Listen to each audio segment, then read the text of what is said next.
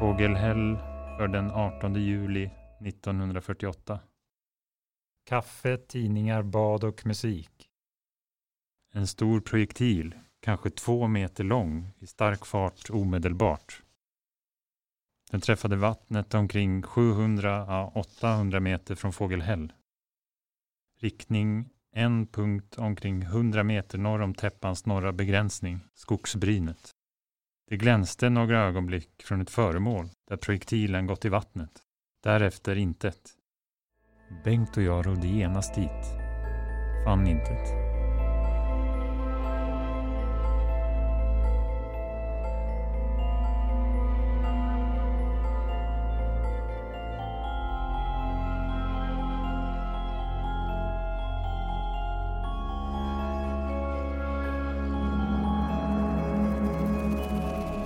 Hej, jag heter Jim Hedlund och jobbar här på Riksarkivet i Östersund. Och jag vill härmed hälsa er alla välkomna till Arkivpodden i serien Dokumenten berättar.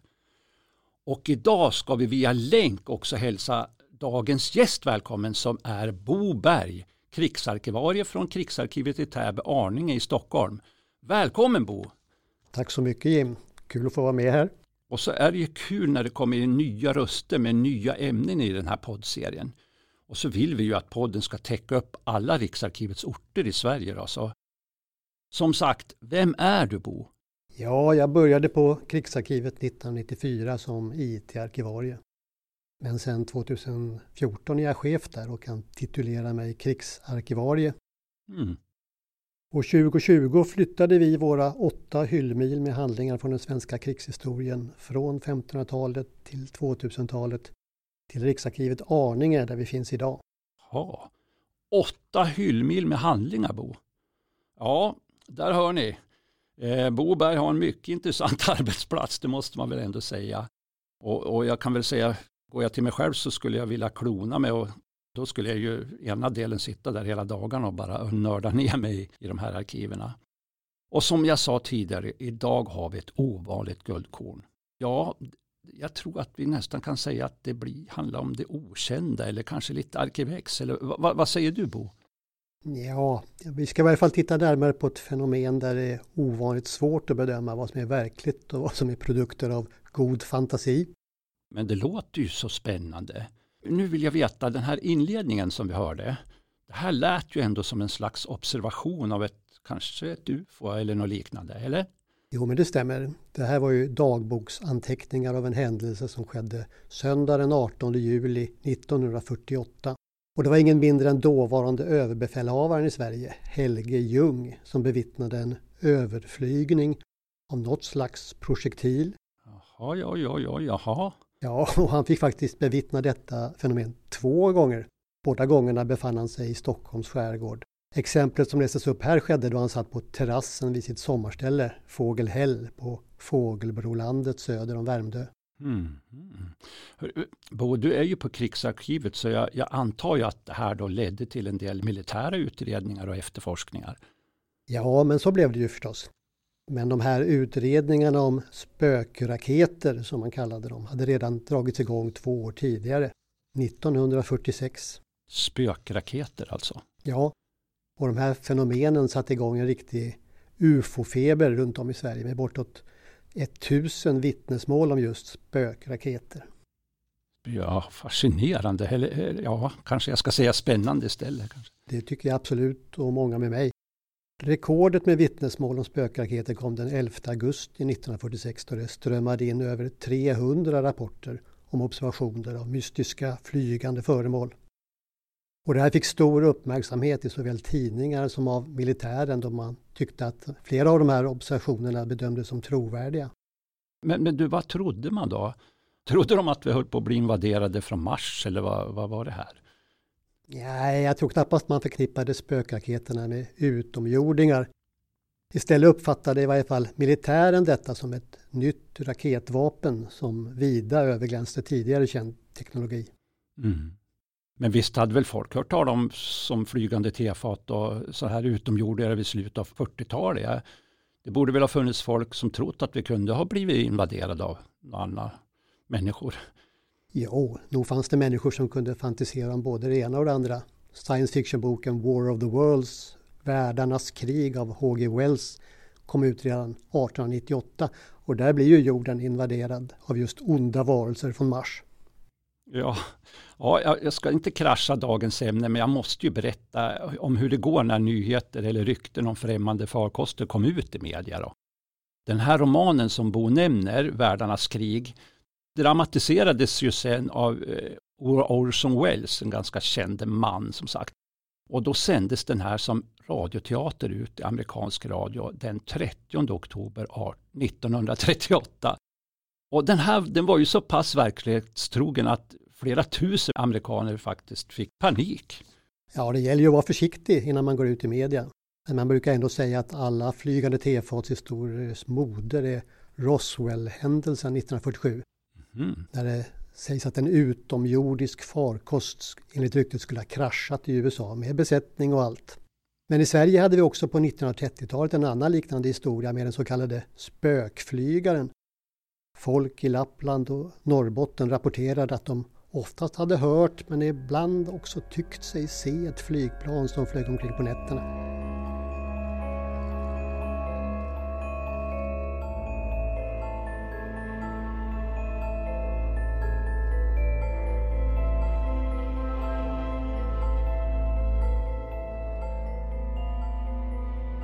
Men nu, jag får ursäkta, jag förde in oss på ett sidospår här. Så nu styr vi tillbaka här igen och eh, nu återvänder till de här spökraketerna. Jag berättar lite mer Bo. Ja, det var ju året 1946. Och det hela tog sin början natten mellan 23 och 24 maj då det över hela landet gjordes observationer av ett eller flera eldklot med svans som rörde sig över himlen. Oj, oj, oj. Ja visst, och flera av de här observationerna går att tidsmässigt pussla ihop att man får fram en spårkarta av ett objekt som färdades över himlen på låg höjd med en hastighet ungefär som överensstämmer med ett flygplan. Men de riktningar som vittnena uppgav att föremålen hade stämmer sällan helt överens. Så om det skulle ha varit samma föremål krävs det att antingen raketen kunde navigeras och byta riktning eller att några av vittnena uppfattat riktningen fel. Så här går alltså vittnesuppgifterna lite isär då? Ja, just när det gäller spökraketernas färdriktningar. Och flera vittnen beskriver också att de hört ett vinande eller visslande ljud. Och några menar att de sett något raketformat eller möjligen ett vinglöst litet flygplan.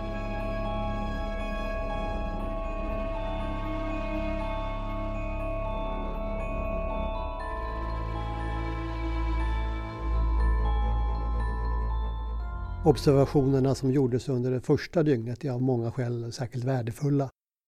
Jaha, varför det? Jo, därför att dels visar de samstämmighet och dels hade ju folk ännu inte kunnat läsa om saken i tidningarna. Man kunde alltså inte ha påverkats av andra tidningar eller radio och annat.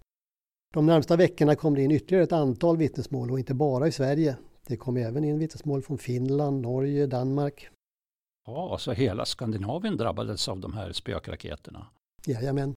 Så därför utfärdade försvarsstaben den 12 juni 1946 en luftförsvarsorder, nummer 749. Orden var ställd till alla militära förband och uppmanade dem att använda ett särskilt formulär när observationer av himlafenomen rapporterades in till försvarsstabens luftförsvarsavdelning. De här spökraketerna blev sedan ett återkommande fenomen hela sommaren med kulmen just den 11 augusti.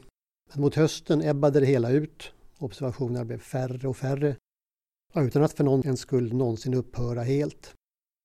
Man ser när höstmörkret kom så minskade observationerna. Kan det inte vara så att eh, man helt enkelt inte såg dem när det blev lite mörkare eller? Ja, observationerna gjordes ju faktiskt både dagtid och nattetid. Ja, just det. Hur som helst, det militära svaret blev inrättandet av en särskild rymdprojektilkommitté spökraketkommittén som den kallas. Där satt deltagare från Försvarsstabens flyg och luftförsvarsavdelning som var den ansvariga myndigheten. Men där ingick även flygförvaltningen, flygstaben, marinförvaltningen, Försvarets radioanstalt FRA och Försvarets forskningsinstitut FOA. Den här kommittén då, den skulle samla in observationer, undersöka och analysera dem med hjälp av olika experter och vidta motåtgärder man byggde alltså upp en strategi mot spökraketer. Ja, så kan man väl säga. En föregångare till rymdprojektilkommittén sammanträdde 6 juli och kom i sin analys fram till att observationerna tydde på att det inte kunde vara en raket utan troligare någon typ av reaktionsdriven farkost med bärytor. Ja, ett flygplan av någon sorts alltså. Och den strategi som du sa, det var att man rekommenderade som motåtgärder utökad radio och radarspaning med beredskap att sätta in jaktflyg. Ja, men det här låter ju ändå lite spännande. Tänk att sitta i det där jaktflyg och att man ens behöver sätta in jaktflyg. Det låter ju liksom dramatiskt tycker jag. Jo, visst. Den 10 juli hade rymdprojektilkommittén sitt första riktiga sammanträde och det skedde efter ett dygn med över 250 observationer av spökraketer. 250 observationer på ett dygn? Ja, och man förstår att de tog det här på allvar nu.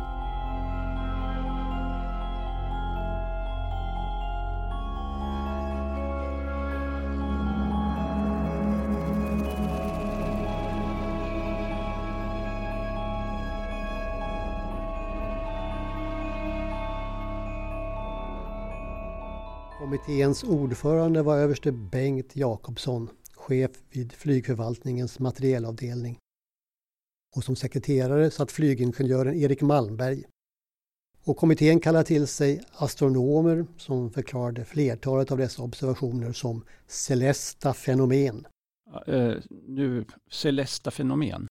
Ja, då, med det menar man då meteorer och bolider och liknande som kommer från yttre rymden och, brinner upp i atmosfären.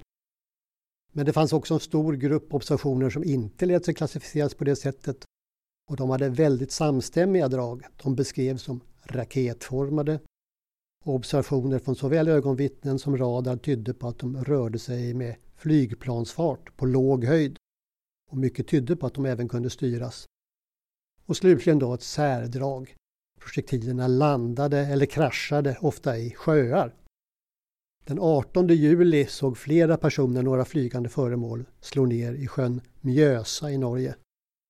Och dagen efter kunde många oberoende vittnen rapportera om att projektiler slagit ner i fyra olika sjöar i Norrland. Kattisträsket, Kölmjärv, Marmen och Vassarajärvi. Och nedslaget i Kölmjärv det bevittnades av ett stort antal personer och en av dem, Knut Lindbäck, han rapporterade till polisen som i sin tur sände uppgifterna via försvarsområdesbefälet i Morjärv till Försvarsstabens luftförsvarsavdelning. Och på lördagmorgonen den 20 juli fick så löjtnant Carl Gösta Barthold vid Bodens ingenjörskår order om att snarast ta sig till Kölmjärv med fyra man, bära av området och undersöka nedslagsplatsen. Barthold och hans män hittade en detonationskrater med 30 meters diameter på sjöns botten. 30, du, för mig låter det, det här låter ju som en jättekrater, 30 meter i diameter. Ja, det är ett stort hål. Ja. Sjön undersöktes sen med metall, metalldetektorer och man tog 3500 bottenprover utan resultat. Man hade ett förslag att tömma hela sjön men det fick överges då det beräknades komma att kosta bort 20 000 kronor. Ja, det var väl mycket pengar då. Men, men du, vad spännande. Va, va, vad hände av det här? Vad hände sen? Ja, undersökningen i Kölmjärv blev alltså resultatlös. Vid rymdprojektilkommitténs möte 22 juli kunde kapten Stangenberg från försvarsstaben berätta att en radarstation i kustförsvaret hade pejlat in ett föremål som rörde sig med cirka 400 meter per sekund, vilket vore överljudsfart. Och hastigheten bekräftades senare av en annan observation gjord vid Mellsten med kustartilleriets så kallade stereoinstrument som användes för att mäta avstånd till sjöss. Ja, nu blev man allt mer brydd vad det kunde vara för teknik som låg bakom projektilerna. Mönstret stämde varken med vad man visste om V1 eller V-truppprojektilerna som tyskarna hade utvecklat i slutet av andra världskriget. Och man fattar inte heller hur de kunde styras mot sjöar. Försvarsstaben gick ut med ett meddelande till tidningarna att de skulle sluta publicera geografiska fakta i sina artiklar för att inte i onödan hjälpa den makt som stod för kränkningarna. Men vilka makter var det man misstänkte för de här kränkningarna då? Ja, rymdprojektilkommittén lutar ju mest åt teorin att det var ryssarna som hade återuppbyggt tyskarnas raketbas på Peenemünde eller eventuellt på Dagö. Ja, ja, det kanske inte var någon högoddsare att det skulle kunna vara raketer från dåvarande Sovjet, eller? Nej, där har du nog en poäng. Det så kallade kalla kriget hade ju kommit igång vid den här tiden. Hur som helst, eh, radioavlyssningen uppfattade radiotrafik som eventuellt kunde tyda på att raketerna fjärrstyrdes. Och det stora antalet observationer såg man som ett tecken på att man i övningssyfte höll på att skjuta in sig. Aha. Ja, så under augusti fick rymdprojektilkommittén regeringens tillstånd att flyga över intressanta delar av Östersjön och spaningsfotografera.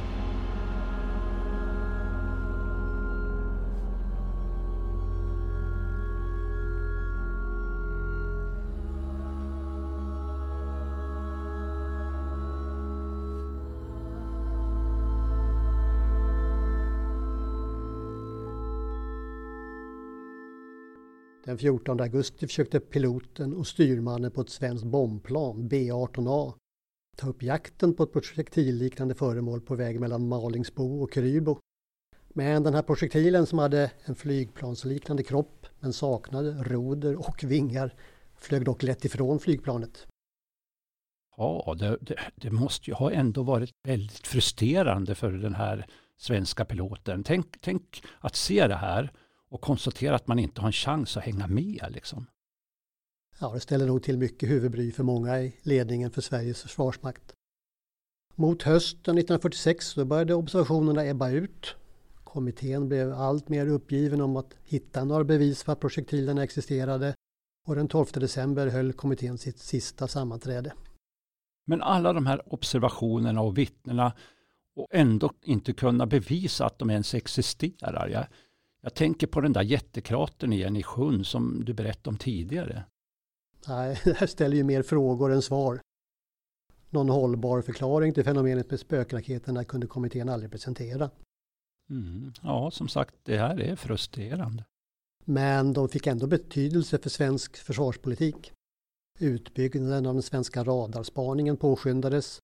Försvarets radioanstalt fick börja signalspana mot Sovjet och dess lydstater med hjälp av överflygningar med specialanpassade flygplan. Det som senare ledde fram till den här DC-3 som sköts ner av ryssarna. Precis. Så som du sa tidigare, det här var ju början av kalla kriget. Det här var ju alltså en tid full av kapprustning, spionage och spaningar och misstänksamhet. Ja, och Helge Ljung, överbefälhavaren som bevittnade detta fenomen sommaren 48, ja, två gånger som sagt. Han tvekade aldrig om att han sett förmodligen ryska raketvapen helt fräckt landa i hans egen badvik. I Jungs dagbok kan man sedan följa hur han under de här följande veckorna tar upp frågan om V-projektilerna som man kallar dem med olika personer. Alltifrån officerare på försvarsstaben till försvarsministern Vogt. Men även med statsminister Erlander, utrikesminister Undén och kronprinsen. Men det här var ju två år efter den här stora raketruschen. Man hade väl lagt det här på is? Jo, fast nu var det ju ÖB själv som var vittne och vars trovärdighet inte gärna kunde betvivlas. Nej, precis. Den 6 augusti 1948 var det färdigt igen. Helge Ljung var ute och seglade med några vänner och plötsligt kunde alla på båten se en stor projektil passera under två-tre sekunder. Aj, aj, aj, jaha, ja, ja. Ja, och dagen efter satt han och chefen för försvarsstaben Nils Svedlund och studerade kartor. Och som han skriver i dagboken funnit att det sannolikt var ryssarna som skjuter in sig på Stockholm från Ösel. Den 9 augusti fick han besök av överste Schmidt i sällskap av överste Bengt Jakobsson som var ordförande där för den nedlagda rymdprojektilkommittén. Och de kom överens om att söka i Vomfjärden som är namnet på Helge Ljungs badvik. Man skickade dit dykare och så var det skärpt radarspaning 13 augusti ankrade det ditbeordrade ubåtsbärgningsfartyget Belos utanför Vomfjärden för att börja söka efter projektilen. Belos var alldeles för stor för att kunna komma in i Vomfjärden men en av dess motorbåtar kunde svepa i viken som det heter och det gjordes dykningar. Och Helge Ljung han rådde själv ut för att se hur det gick.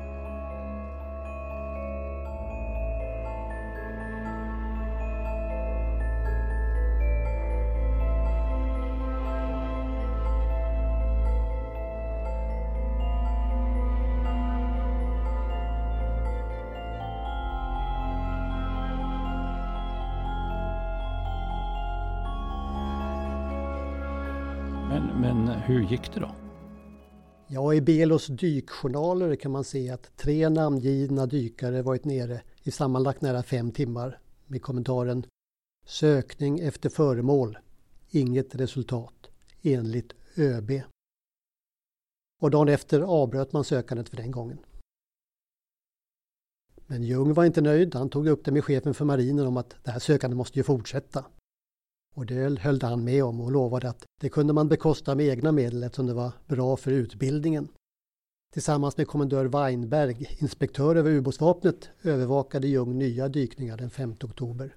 Ljung skrev i dagboken Fått signal en gång. Dykare konstaterade ett hål i botten. Jag rättade till utstakningen. Arbetet ska fullföljas med ny metod. Mm, spänningen ökar här.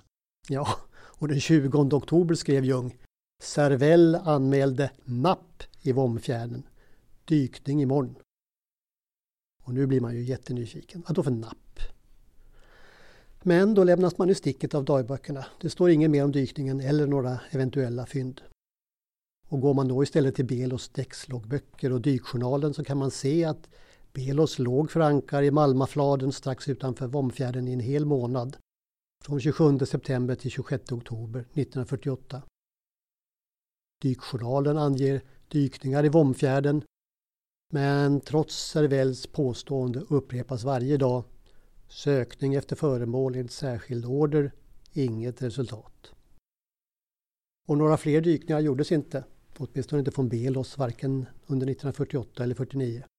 Det här är ju verkligen ett olöst mysterium med andra ord. Jag, jag känner ju själv att jag blir otålig här och nu bara. Vad skulle det inte ha blivit då? Det var väl för ungefär 74 år sedan det här. Precis, närmare gåtans lösning än så här. Det kommer vi tyvärr inte. Ja, inte nu i varje fall. Men Bo, Krigsarkivet har ju så ofantligt mycket spännande material av helt olika karaktärer. Hur, hur kom du över just det här fallet då? Ja, det är en lång historia. Jag blev helt enkelt serverad det här fallet. Men först måste jag säga en sak. Jag tror inte på att farkoster från andra solsystem flyger omkring här på vår planet jorden. Och då blir det nästan lite pinsamt att behöva erkänna att jag har faktiskt själv sett en spökraket. Ja men gud vad spännande det här blev nu. Hör, berätta nu. Ja, det var i augusti 1980. Jag och min flickvän var ute och vandrade en vecka i Muddus nationalpark i Lappland. Och den här nationalparken den är hälften urskog, hälften myrmarker vilket gör den rätt otillgänglig och glest besökt. Mot slutet av vår vandring satt vi och rastade på en spång. Vi drack vatten och tittade ut över en liten skogssjö. Nammajaure heter den. Då hörde vi ett visslande ljud i luften. Det lät som ett flygplan som har strypt motorerna för att gå in för landning och glidflyger. Och då och då ökar ljudet i styrka som när planet för manövreringens skull behöver ge lite extra gas. Vi tittade efter ljudet och något hundratal meter rakt över oss såg vi en raket på väg ut över sjön. Ja, en raket. Ja, en raket. Den såg ut att vara 3-4 meter lång.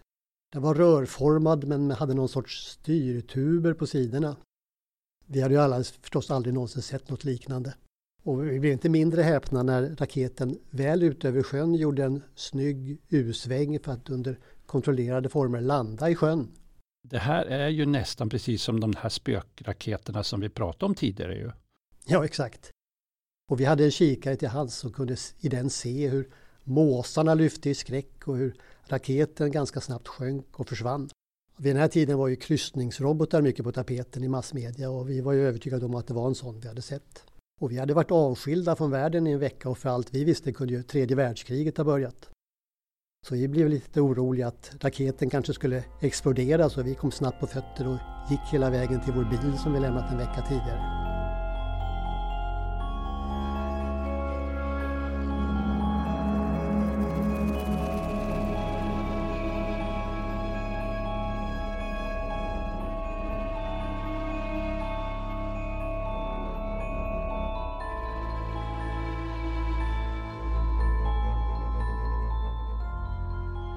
Avbröt helt enkelt den här fjällvandringen för den här händelsen.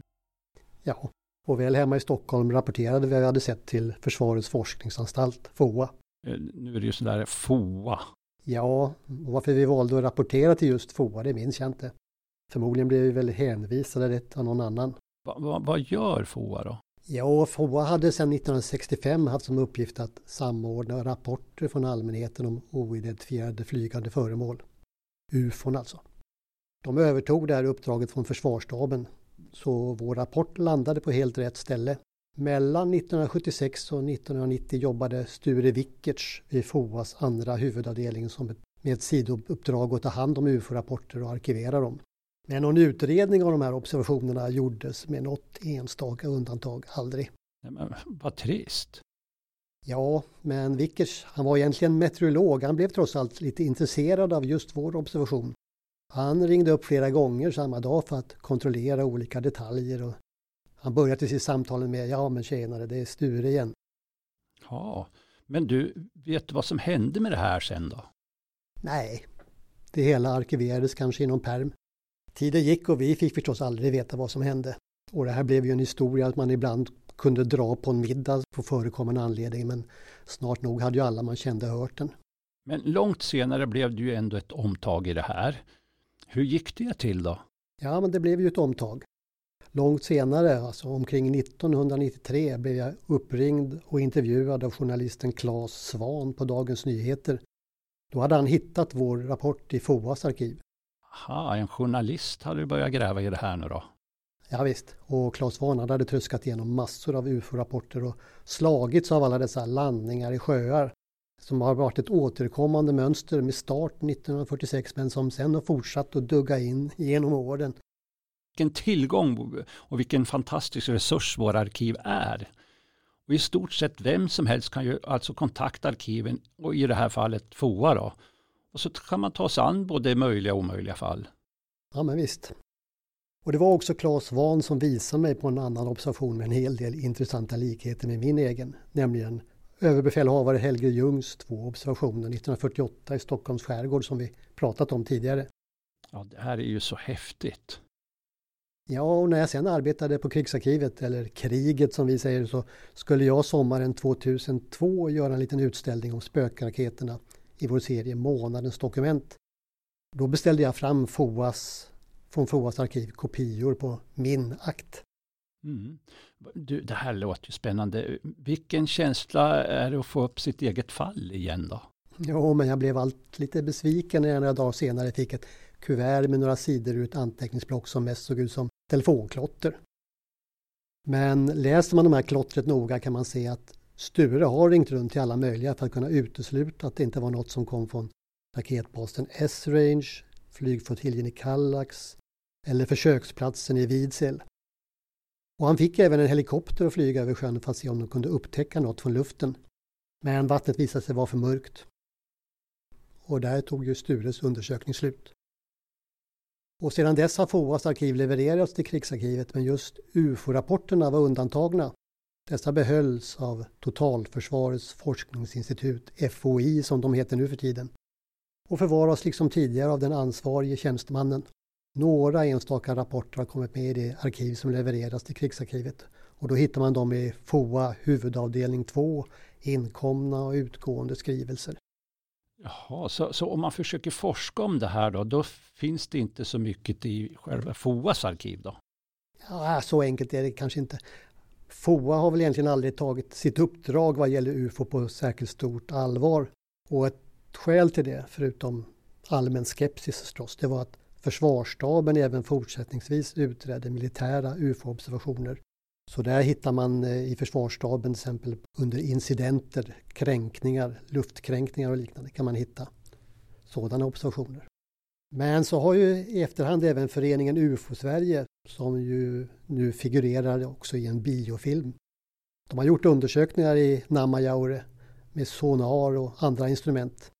Och då har de hittat en del indikationer på att något kan finnas i sjön under metervis med bottenslam. Du nämner nu UFO Sverige, det heter väl idag Archives for the Unexplained vad jag förstår va? Ja, själva arkivet ja, stämmer det. Ja. Det är väl ett, det är ett ganska stort arkiv. Det är, de går ju ut själva och säger att de är världens största arkiv och bibliotek just inom det här ämnet. Och, och visst ligger de i Norrköping? Jajamän. Ja, ni ser. Ja, ja. Någonstans finns svaren, kanske på försvarsstaben också. Ja, någonstans finns svaren. Det jag och min flickvän såg i Muddus, det bedömer jag fortfarande som en kryssningsrobot. Bilder som jag efter att ha sett på kryssningsrobotar har stärkt mig i den tron. Så om inte ägaren har tagit rätt på den så bör det ligga en förmodligen helt oskadd robot i den där sjön i Muddus. Det är ju däremot väldigt svårsmält att godta att en föregångare till kryssningsroboten skulle varit utvecklad redan på 1940-talet. Jajamän, du öppnar ju härmed upp för alltså våra lyssnare att forska i det här mysteriet. Absolut. Du, en sista fråga bara. Om man nu skulle vilja titta på just ditt fall och om de här observationerna. Alltså vart ska man gå och vilka arkiv ska man grotta ner sig i? Materialet om spökraketerna de finns då i Försvarsstabens flyg och luftförsvarsavdelnings hemliga arkiv. Handlingar angående rymdprojektiler. Och de här är digitaliserade och tillgängliga online. Det låter ju som ett mycket spännande arkiv överhuvudtaget, Bo. Ja, men det är det ju. Och sen har vi ju Helge Ljungs dagbok från 1948 som finns i hans eget arkiv här i krigsarkivet.